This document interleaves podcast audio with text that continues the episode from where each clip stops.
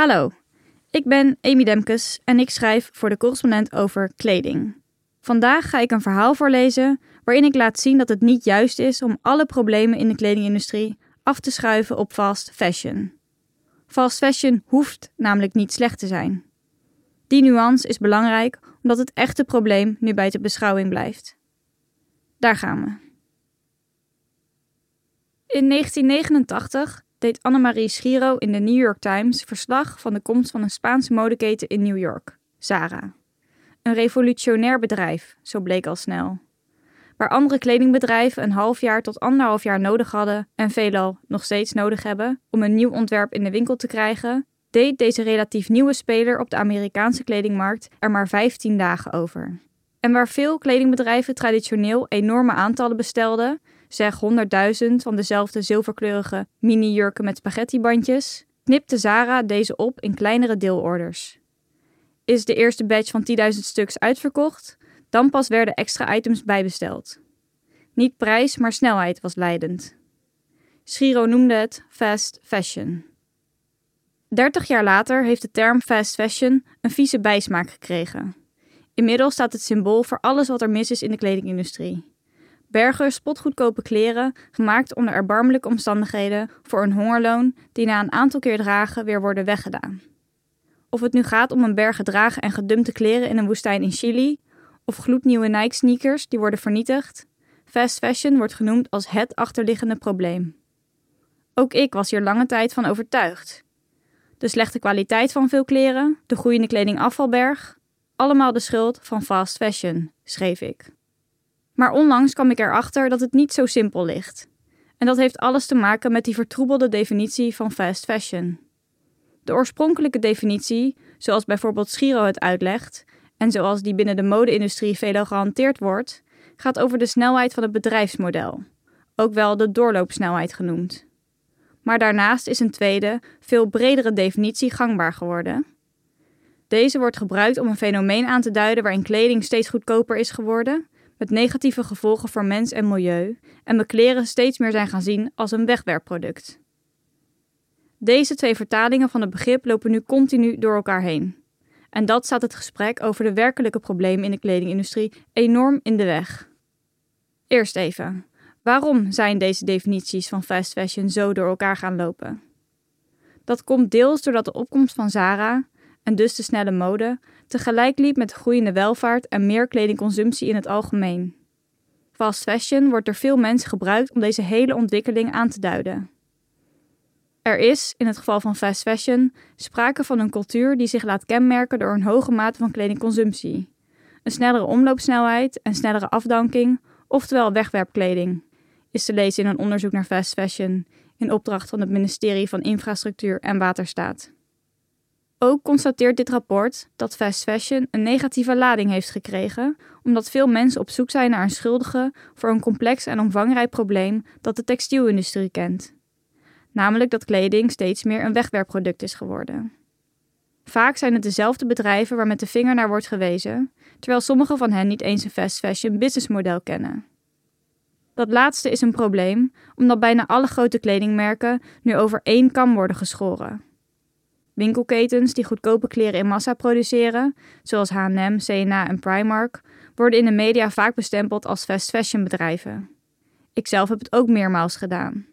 Terwijl het gros van de kleding die zij verkopen nog altijd via het oude bedrijfsmodel wordt geproduceerd, waarbij collecties in grote aantallen maanden van tevoren worden besteld bij fabrikanten in lage lonenlanden, voornamelijk in Azië. Ik zeg expliciet het gros van de kleding, omdat het goed kan zijn dat bijvoorbeeld H&M zo nu en dan een collectie produceert die sneller is, die binnen enkele weken wordt geproduceerd. Daarmee is de kern van het bedrijfsmodel alleen nog niet vast te noemen. Waarom is het belangrijk om dat onderscheid tussen deze bedrijfsmodellen te maken? Omdat dit implicaties heeft voor de manier waarop onze kleren worden geproduceerd, op welke manier dit eerlijke en duurzame productie in de weg staat en hoe het anders kan. Een van de grootste problemen in de kledingindustrie is dat veel bedrijven heel lang van tevoren hun bestellingen plaatsen bij fabrikanten. Zo vertelde Xander Slager, eigenaar van kledingmerk Spoem, onlangs aan de NOS. Je gokt wat de markt gaat doen. De kleding die je ontwerpt komt pas een jaar later in de winkel. Weer drie maanden later krijg je pas feedback over hoe het verkoopt. Matthijs Grité, secretaris van International Apparel Federation, vertelde me onlangs dat de sector eigenlijk één grote gokmachine is. Want wie weet er nu wat mensen over een half jaar of een jaar willen dragen? De kans dat bedrijven de plank volledig misslaan en met een berg kleren op de markt komen die op dat moment niemand wil kopen, is groot. Dit is ook een van de redenen waarom kleren bijna altijd in de uitverkoop zijn. De risico's die bij dit bedrijfsmodel komen kijken, worden zoveel mogelijk afgewenteld op de fabrikanten.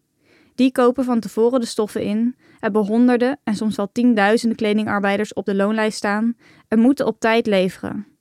Anders krijgen ze minder betaald of moeten ze sneller transport regelen, meestal via luchtvracht, en voor de extra kosten opdraaien. Daar komt nog eens bij dat als kledingbedrijven verkeerde keuzes maken en minder geld binnenkrijgen, ze bij de inkoop van de volgende collecties minder te besteden hebben en dus vaker concessies zullen doen op kwaliteit of nog lagere prijzen bij leveranciers proberen te bedingen. Al wil dit natuurlijk niet zeggen dat merken die wel hogere of gezondere inkomsten hebben, dit niet alsnog doen. Bij het fast fashion bedrijfsmodel is dit risico minder. Bedrijven zitten daarbij veel dichter op de werkelijke vraag van de consument en produceren in kleinere aantallen, waardoor er minder overbestelling is. Uit onderzoek blijkt bijvoorbeeld dat Zara in Nederland het laagste percentage kleding verkoopt via de uitverkoop of andere prijsacties. Een aanwijzing dat het met minder overtollige voorraad kampt. Het is dus maar de vraag of fast fashion een grotere negatieve impact heeft dan conventionele kleding, stelt een ander onderzoek naar fast fashion. Het precieze effect van fast fashion op de productiekosten en arbeidsomstandigheden moet nader onderzocht worden, zegt econoom Renstap. Het wordt vaak in dezelfde fabrieken geproduceerd als alle andere mode. Fast fashion zou je zelfs kunnen zien als een manier om van vooraf geproduceerde kleren in standaard maten te bewegen naar een model waarbij kleding meer op maat en op bestelling gemaakt wordt, aansluitend op de wensen en behoeften van consumenten op dat moment. Tap zegt: Een oma die in een week tijd een blouseje voor je op maat maakt en in elkaar naait, is in wezen ook fast fashion. Dit wil niet zeggen dat fast fashion per se geweldig of zelfs goed is. De productiesnelheid kan namelijk grote druk op leveranciers en hun arbeiders leggen.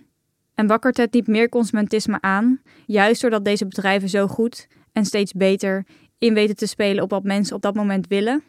Kim van der Weert, die jarenlang werkt als manager van een kledingfabriek in Cambodja en de podcast Manufacture maakt over kledingproductie en duurzaamheid, is er duidelijk over. Fast fashion is op dit moment niet eerlijk en duurzaam.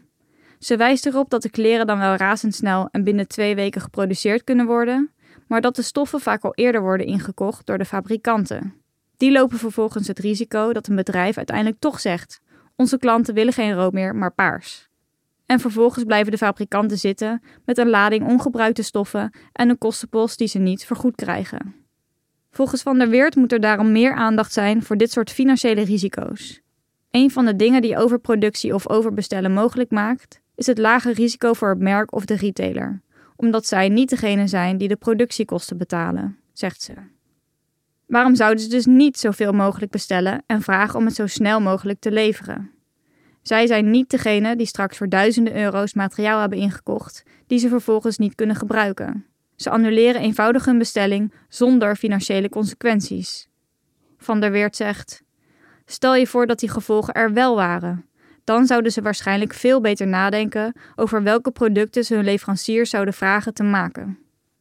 En toch, in plaats van fast fashion bedrijven de zondebok te maken van de kledingindustrie, zou het veel waardevoller zijn om te kijken naar de verschillende businessmodellen die achter allerlei modebedrijven zitten en op welke manier die betere arbeidsomstandigheden en milieuvriendelijkere productie in de weg staan.